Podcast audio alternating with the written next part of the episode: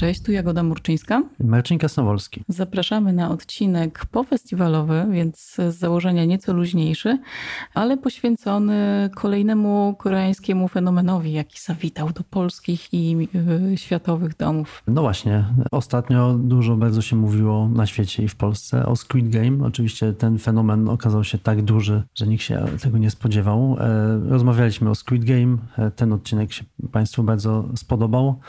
Więc postanowiliśmy trochę pójść za ciosem i faktycznie po filmach festiwalowych, które no, w większości były poważne tematycznie, e, postanowiliśmy się przyjrzeć e, temu, co świat ogląda po obejrzeniu Squid Game. Będziemy więc rozmawiać o e, dwóch K-dramach zrealizowanych przez duże serwisy streamingowe i myślę, że one także dużo nam powiedzą o tym, w jakiej kondycji znajduje się w ogóle południowo-koreańskie kino. Tak, to jest bardzo ciekawe, bo do tej pory K-dramy pojawiały się na Netflixie bardzo regularnie.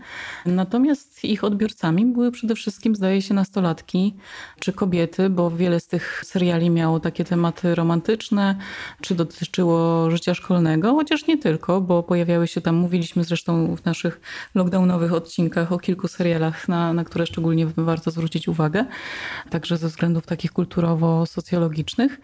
No a teraz nagle się okazało, że po prostu wszystkie grupy wiekowe są zainteresowane i to dosłownie wszystkie, jak tam skandale ze Squid Game pokazują, są zainteresowane tym, co produkują koreańscy scenarzyści. No właśnie, te największe platformy streamingowe wyczuły pismo nosem, wiedziały, że w Korei jest dużo zdolnych twórców, że ten kontent koreański dobrze się sprzedaje, więc e, zainwestowały tam duże pieniądze e, i tak jak mówisz, rozmawialiśmy wcześniej o serialach koreańskich, ale to, co się zmieniło, wydaje mi się to, to że na przykład Netflix był w stanie zainwestować znacznie większe pieniądze, przyciągnąć reżyserów, którzy wcześniej tworzyli w kinie i o takich przykładach będziemy dzisiaj opowiadać. I powstaje no, nowa jakość seriali, a jednocześnie zmienia się cały ten rynek e, koreański. I myślę, że my także przygotowując na przykład tegoryczne pięć smaków, mocno to odczuliśmy, bo tak naprawdę, jeżeli chodzi o kino komercyjne koreańskie, e, mieliśmy problem, żeby wybrać jakiś film, dlatego że ich po prostu nie było. Tak, i nie było ich dostępnych właśnie online, bo nam zależało na tym, żeby oczywiście pokazywać filmy w naszej hybrydowej formule i w kinie i online. I właśnie te online'owe licencje były problemem, bo zazwyczaj te filmy były już wykupione albo gdzieś tam w w, procesie negocjacji, jeżeli w ogóle były dostępne. Natomiast jest to też e, kwestia tego, że nie ma jeszcze jakichś takich bardzo szerokich, przekrojowych badań, ale wydaje się, że widzowie po pandemii bardzo ostrożnie wracają do kin i to jest zjawisko, które dotyczy tak naprawdę całego świata. I jednak no, platformy streamingowe są tutaj wielkimi wygranymi, jeśli chodzi o przyciąganie widzów. Z jednej strony, no, ze zrozumiałych powodów, bo są ciągle w kwarantanny, lockdowny i tak dalej, nie można wychodzić do, z domów, ale też nawyki e, widzów się zmieniły. No i wyprawa do kina to już jest rzeczywiście jakieś, jakaś wyprawa. Już no. trzeba zaplanować, ubrać się, wyjść, przejechać pół miasta. Jakoś nagle urosło to podobno w naszych głowach do trochę większych rozmiarów niż wcześniej. No i rzeczywiście platformy bardzo dobrze trafiły w swój moment, właśnie ruszając z wielkimi inwestycjami ten rok czy dwa lata wcześniej. No właśnie, przypomnijmy, że tylko w tym roku Netflix zainwestował 500 milionów dolarów w Korei. W, przez, jakby to jest inwestycja jednoroczna, więc to są oszałamiające pieniądze. Mówisz o tym, że ten rynek kinowy się nie odbudował. Rzeczywiście w Korei to wygląda słabo. To jest mniej więcej 30% tego, co było przed pandemią, czyli, czyli źle po prostu. I no faktycznie jest tak, że tych dobrych filmów, takich blockbusterów po prostu nie ma nie ma czego pokazywać i e, o ile kino niezależne jest w dobrej formie, ale to są filmy takie, wiadomo, o niskich budżetach, no to wygląda na to, że pieniądze teraz e, są właśnie przy serialach, czy w ogóle przy kontencie produkowanym przez e, Netflixa. Wydaje mi się, że jest to zmiana, która no, będzie na stałe, czy na najbliższe kilka lat i skończy się tym, że właśnie ta oferta Netflixa będzie obecnie, i nie tylko Netflixa, będzie ciekawsza niż oferta w kinach niestety. Plus, jaki dostrzegam być może, jest taki, że jeżeli Netflix i nie wiem, Disney na przykład, czy Apple wyciągną największe talenty reżyserskie, te, które teraz są na rynku, to być może pojawią się jakieś no, po prostu nowe pokolenie młodych twórców, którzy mają ochotę realizować filmy do kin. Obecnie jest to dla nich jakby trudne. Ciągle największymi mistrzami są ci, którzy e, debiutowali 20 lat temu. Zaraz zresztą o jednym powiemy. A właśnie to młode pokolenie czeka na swoją szansę i wydaje mi się, że być może to jest ten moment, kiedy będą mogli pokazać i udowodnić, na co ich stać. Tak, to jest ciekawe. No mówimy przede wszystkim o kinie oczywiście właśnie mainstreamowym, bo, bo to niezależne dalej gdzieś e, powstaje. Ale mówiło się przez jakiś czas o tym, że no blockbustery trochę nie powstają, no bo nie można tutaj wielkich planów organizować, e, nie można dużo statystów, no bo są te ograniczenia co chwilę. E, natomiast no widać na przykładzie tych seriali, e, nawet tych, o których za chwilę będziemy mówić, że nawet spektakularne sceny zbiorowe są możliwe, tylko pojawiła się w serialach nowa jednostka w napisach końcowych, to znaczy właśnie COVID Unit, który pilnuje bezpieczeństwa na planie, no prawdopodobnie organizuje codziennie testy i tak dalej, i tak dalej, więc no po prostu jest, stało się to taką codzienną rzeczywistością świata filmu. Tak, to jest całkiem dobrze płatna posada. E, ale tak, będziemy mówić dzisiaj o dwóch serialach, e, które dużo łączy, dlatego że oba miały premiery niedawno, oba zostały dobrze przyjęte, są jakby dużymi hitami, dużymi, można powiedzieć, też zainwestowały w nie spore pieniądze dwie platformy, które rozpychają się na rynku właśnie w, w Korei, czy w ogóle na, na całym świecie. Zatrudniły dwóch bardzo znanych reżyserów i co ciekawe, dwie duże, duże gwiazdy, które na pewno Państwo kojarzą. No i e, to, co jest też ważne, to to, że oba te tytuły od razu były produkowane z myślą o widzu międzynarodowym, nie tylko koreańskim. I to widać chyba w tych serialach. Tak, myślę, że łączy je też to, że są takim spe specyficznym gatunkiem, który nazwałabym śledczym fantazy, czymś takim, co łączy właśnie elementy bardzo wymagające dużego użycia e, zaawansowanego CGI z taką fabułą, która po prostu polega na śledztwie. Odkrywamy kolejne elementy bardzo skomplikowanej, e, logicznej układanki. No i oczywiście ma to nas intensywnie wciągać i rzeczywiście w obu serialach to się udaje. E, ja przyznam, że jestem okropnym widzem dla e, tego rodzaju seriali, bo mam taką swoją drugą naturę, takiego doktora Jekylla, który wygrywał olimpiady matematyczne i zgarniał wysokie punkty na testach logiki. Och, i wszystkie takie proceduralne czy śledcze seriale to jest dla mnie często męka, bo ja widzę wszystkie dziury, które się tam pojawiają i, i nieścisłości, e, więc pozwolę sobie tutaj trochę pewnie na jakieś złośliwostki, ale to za chwilę. Tak, nie trzymajmy już dłużej w niepewności może powiedzmy, co to za seriale?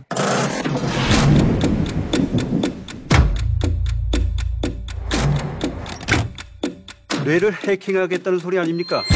네가 알고 있는 걸 보여줘.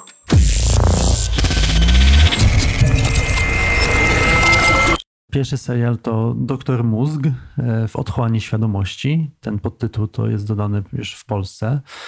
Jego reżyserem jest e, Kim Ji-won, czyli twórca bardzo znany twórca, którego zresztą film przypomnieliśmy na tegorocznych Pięciu Smakach. Kim Ji-won jest y, dlatego ciekawym twórcą i jest szalenie ważny dla rozwoju w ogóle nowego kina koreańskiego, że on był 20 lat temu był jednym z tych twórców, którzy no, wymieniani byli wśród najważniejszych. Obok Park Chan-wooka i Bong Joon-ho, on był taką lokomotywą tego nowego kina koreańskiego. On miał świetną passę właśnie począwszy od roku 99. Realizował filmy to, co go wyróżniało, to to, że realizował filmy, każdy kolejny film był w innym gatunku i on się świetnie w tych gatunkach odnajdywał. Miał wielką przyjemność właśnie w wchodzeniu w kolejne światy, czy to był film gangsterski, czy western, czy horror no, wielki, wielki talent rzeczywiście. I to z jednej strony te filmy były pastiszami, a z drugiej strony same w sobie były po prostu wybitnymi filmami. Tutaj przypomnę, że w tym roku pokazywaliśmy jego Króla Fauli. To był jego drugi film.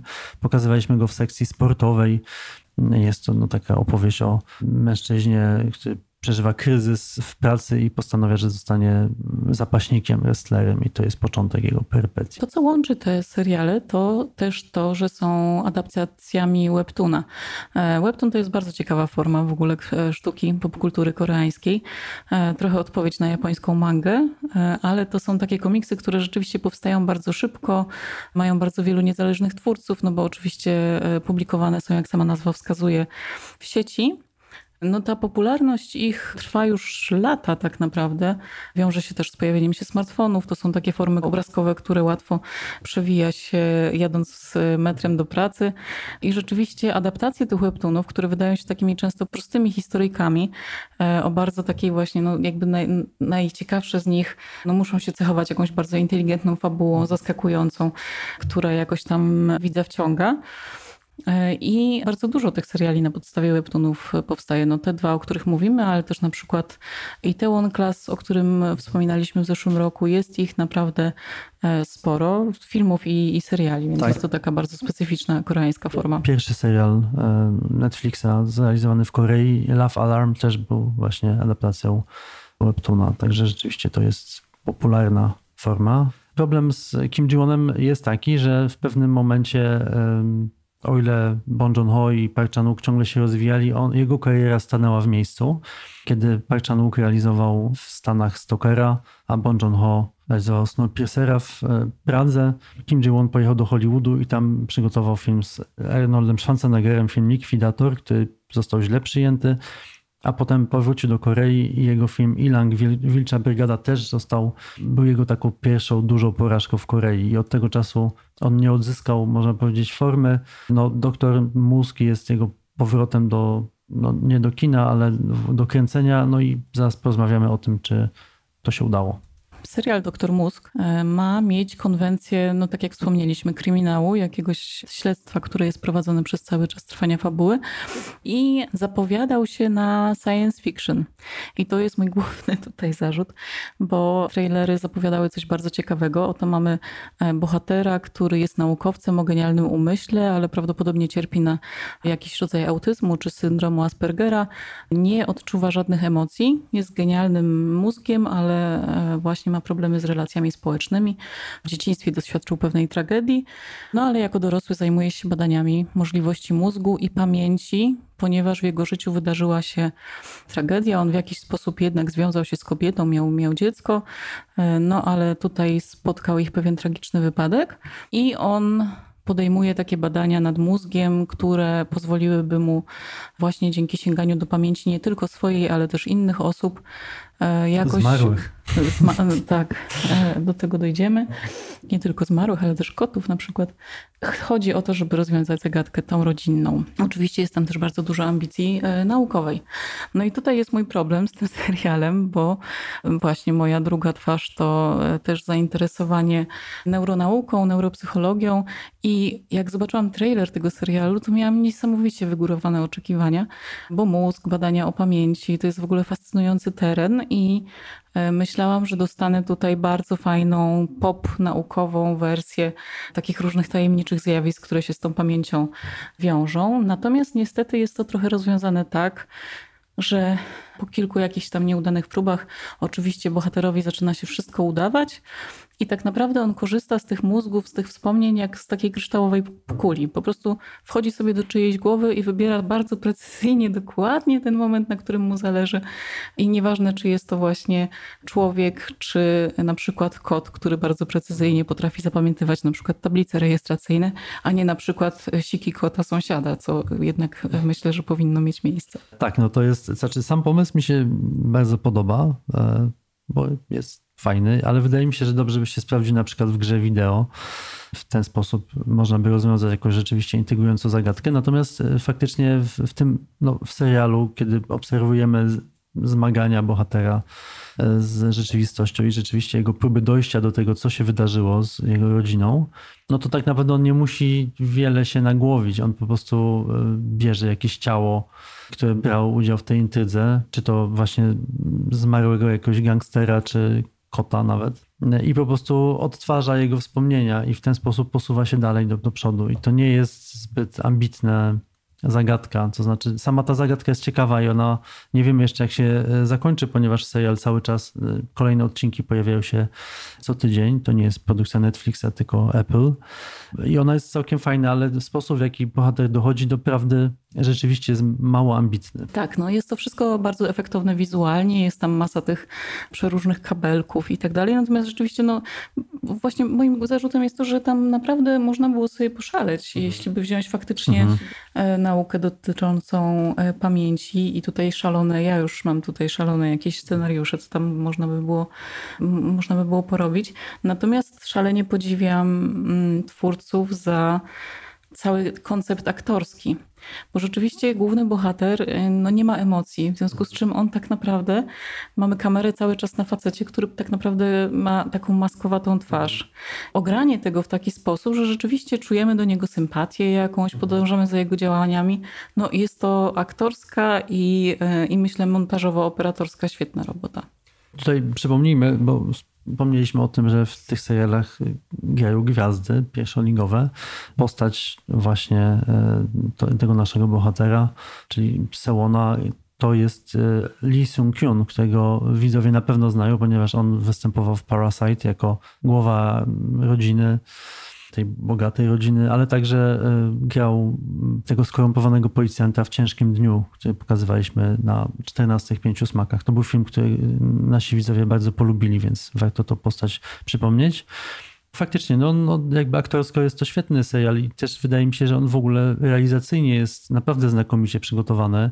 No, wydaje mi się też, jeżeli chodzi na przykład o klucz stylistyczny, to jest to coś, do czego nas w ogóle thrillery koreańskie przyzwyczaiły, bo on jest taki bardzo chłodny. Już pomijam to, że rzeczywiście główny bohater nie ma emocji, ale cały ten serial rozgrywa się w takich bardzo sterylnych wnętrzach. Jego dom jest na przykład niesamowity.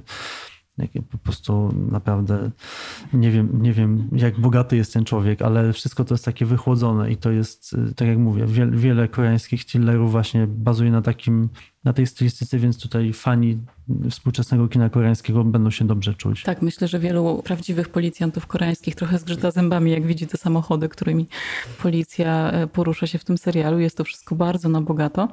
E, może też właśnie po to, żeby pokazać możliwości, jakie tkwią e, w, tym, w, tych, w tych budżetach, jakie, jakie w tej chwili koreańscy twórcy mają do dyspozycji.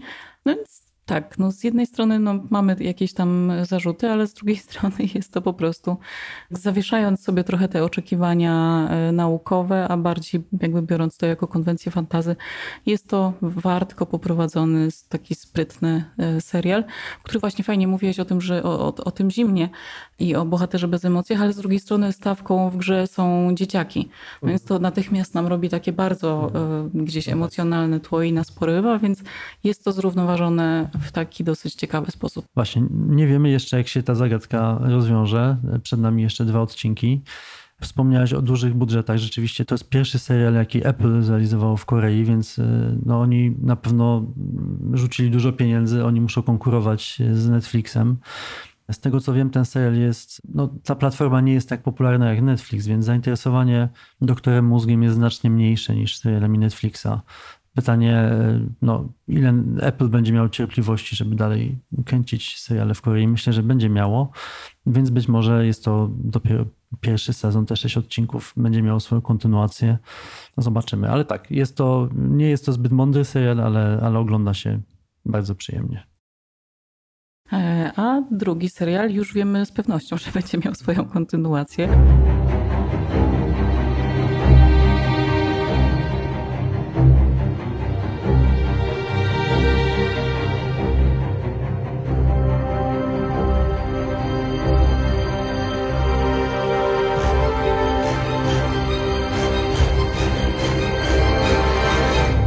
Hellbound, który y, zmiótł y, Squid Games z mhm. pozycji numer jeden, y, jeśli chodzi o Netflixa. Na świecie, tak. Na świecie, to bardzo ciekawe, chociaż jak go oglądałam, to też miał pozycję numer jeden w, w, w Polsce. Już tam coś innego weszło w tej chwili, ale, ale może pogadamy trochę, to z powrotem wróci. No właśnie, tutaj też reżyserem tego serialu Hellbound jest wielkie nazwisko. Yon Sang-ho to jest twórca, który o ile Kim Ji-won już nie jest na fali, to on, Jon Sang-ho cały czas na tej fali jest.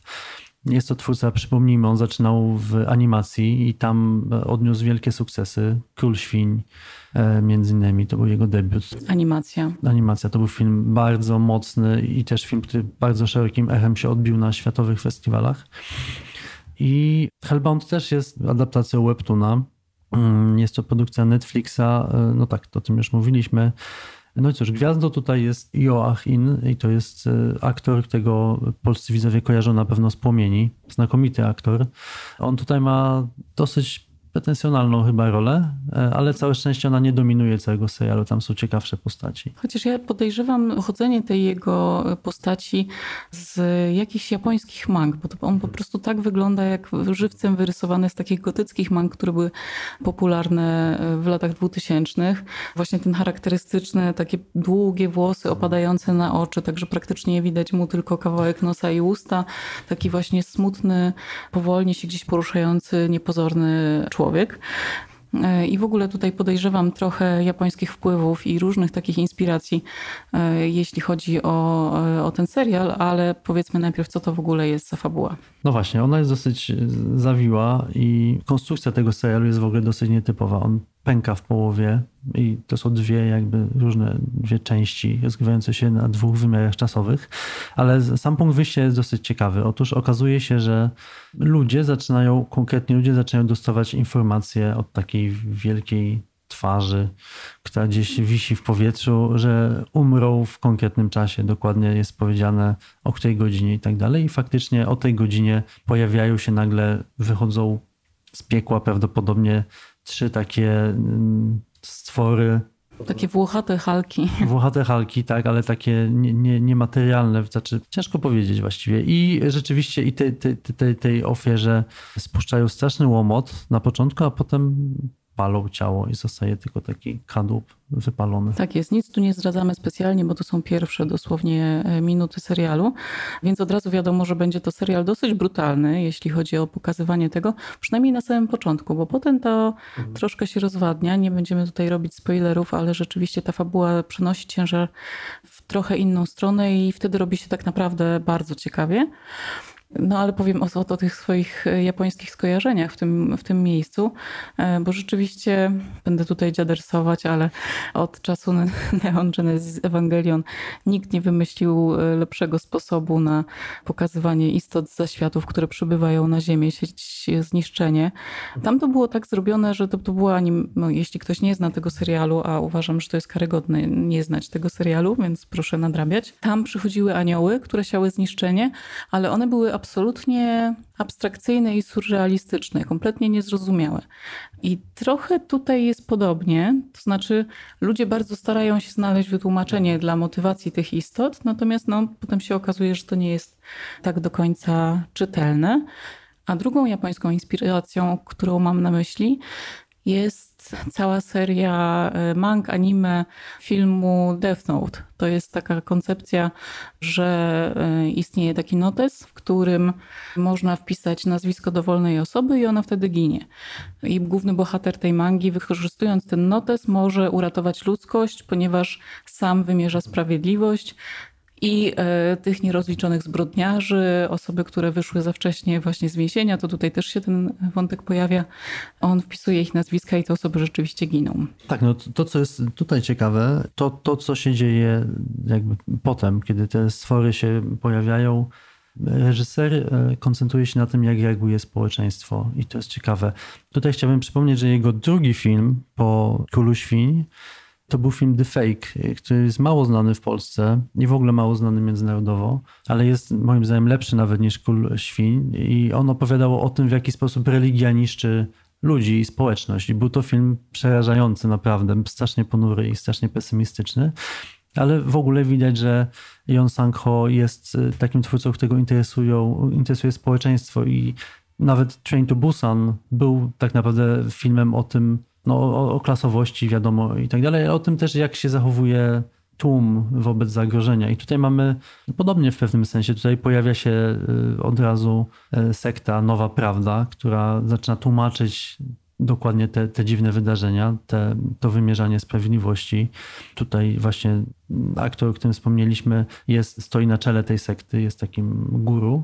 Pojawia się też dziwna organizacja GROT, która bardzo szybko zaczyna wymierzać też sprawiedliwość dosyć tak fizycznie, czyli po prostu to są młodzi ludzie, którzy gdzieś tam zaczynają pałować niektórych ludzi ich katować. No, dziwne wydarzenia i to wydaje mi się, że to jest najciekawsze w tym serialu.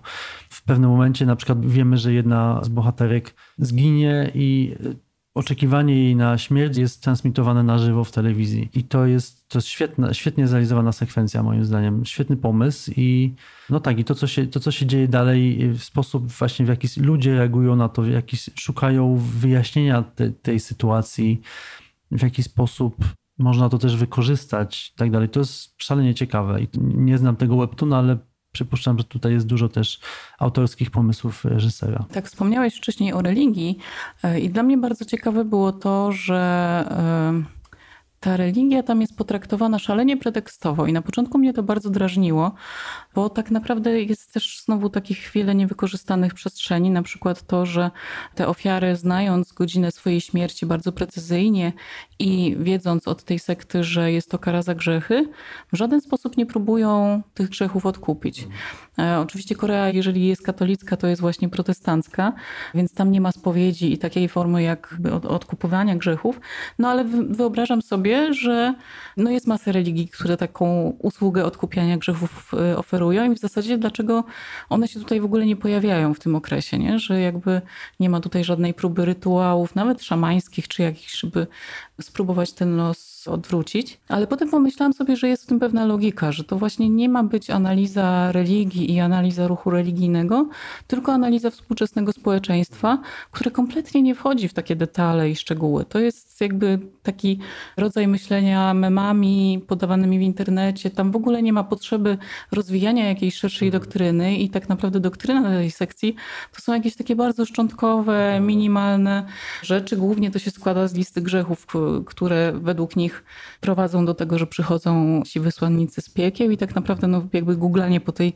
e, liście grzechów jest jakimś tam zajęciem wielu bohaterów.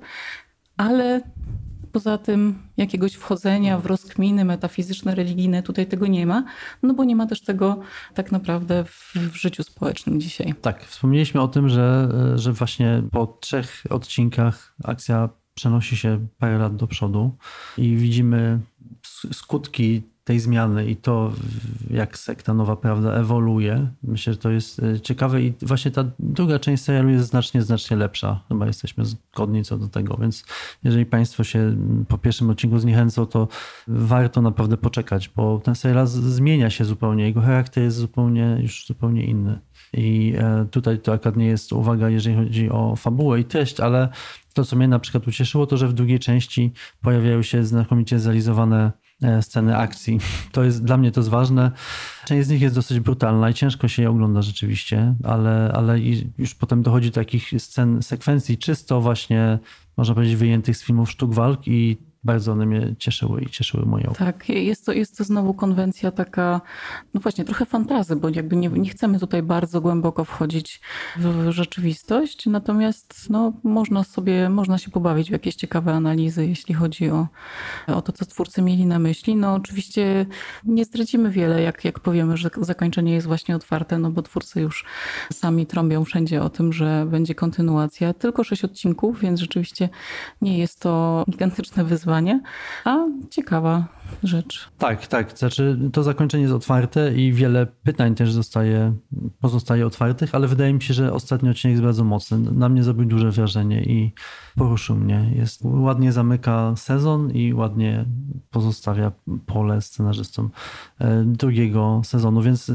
rzeczywiście tutaj wydaje się, że w tym pojedynku, który tutaj przedstawiliśmy, e, Jon Sang-ho kontra Kim Ji-won, to ten pierwszy jest zwycięzcą.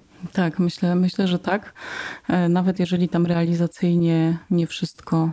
Ja z tym CGI to mam trochę jednak problem. Tam te, te, te potwory, no, i, to, I w pewnym momencie pojawia się takie animowane dziecko. No nie, nie było to do końca super, ale, e, ale myślę, że tutaj prace trwają. A mi się podobało. Znaczy uważam, CGI tych potworów, też czytałem w sieci jakieś narzekania właśnie na te potwory. Dla mnie były w porządku i Wydaje mi się, że też myślałem o tym, że Korea jednak naprawdę jest na, jeżeli chodzi właśnie o poziom realizacyjny, to już jest poziom absolutnie światowy, że tutaj nawet jeżeli czegoś brakuje, to nie jest może poziom, nie wiem, filmów Marvela, które kosztują po 200 milionów każdy, to to to jest produkt, który jest gotowy dla widza naprawdę na całym świecie. Nie ma tutaj żadnego wstydu ani niedociągnięć. Nie, no to oczywiście to, to nie, nie na tym poziomie, bardziej na poziomie takim tam jakichś e, estetycznych tutaj mar, marszczenia noska.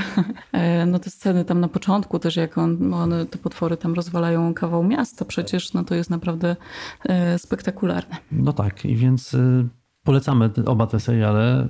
Myślę, że musimy się zacząć przyzwyczajać do tego, że właśnie koreańskie seriale będą coraz częściej na szczycie tych rankingów Netflixa i nie tylko. To jest osiągnięcie niezwykłe. I będą wjeżdżać też po prostu jedno, jeden za drugim i mamy absolutnie dowód na, na prawdziwość tej tezy, bo za chwilę na Netflixie pojawi się serial science fiction, tym razem taki klasyczny, klasyczny science fiction, bo mowa będzie o astronautach. The Silent Sea z naszą ukochaną aktorką Bey Duną. Dokładnie i premiera jego wypada w dzień nieprzypadkowy 24 grudnia. Och, ciekawe dlaczego. Także święta spędzą prawdopodobnie Państwo z kolejnym serialem koreańskim. Tak, ja przyznam, że ja śledzę tą aktorkę na Instagramie, bo wrzuca bardzo ciekawe zdjęcia, właśnie nie, nie jakieś tam produktowe, i, e, tylko rzeczywiście zdjęcia z planów i one są fascynujące. No i zdjęcia z tego planu śledzę już od, od dłuższego czasu. No i bardzo czekam, co to, co to będzie, co to będzie za produkcja. Tak, jest już pierwszy teaser, wygląda to bardzo ciekawie, realizacyjnie świetnie. Jeżeli scenariusz będzie dobry, to szykuje nam się kolejny, kolejny hit jeszcze w tym no, roku. No, filmy i seriale science fiction są zwykle takim doskonałym materiałem, żeby sobie poużywać socjologicznie, politycznie, więc ja już też zacieram łapki. Czekamy. A tymczasem do usłyszenia. Kolejny odcinek Azja kręci jeszcze przed świętami, więc jeszcze nie będziemy recenzować kolejnego serialu koreańskiego. Przeniesiemy się na pewno w jakieś trochę inne rejony świata, żeby zrobić e, nieco różnorodności e, na tym forum. Do usłyszenia. Bardzo dziękujemy. Do usłyszenia.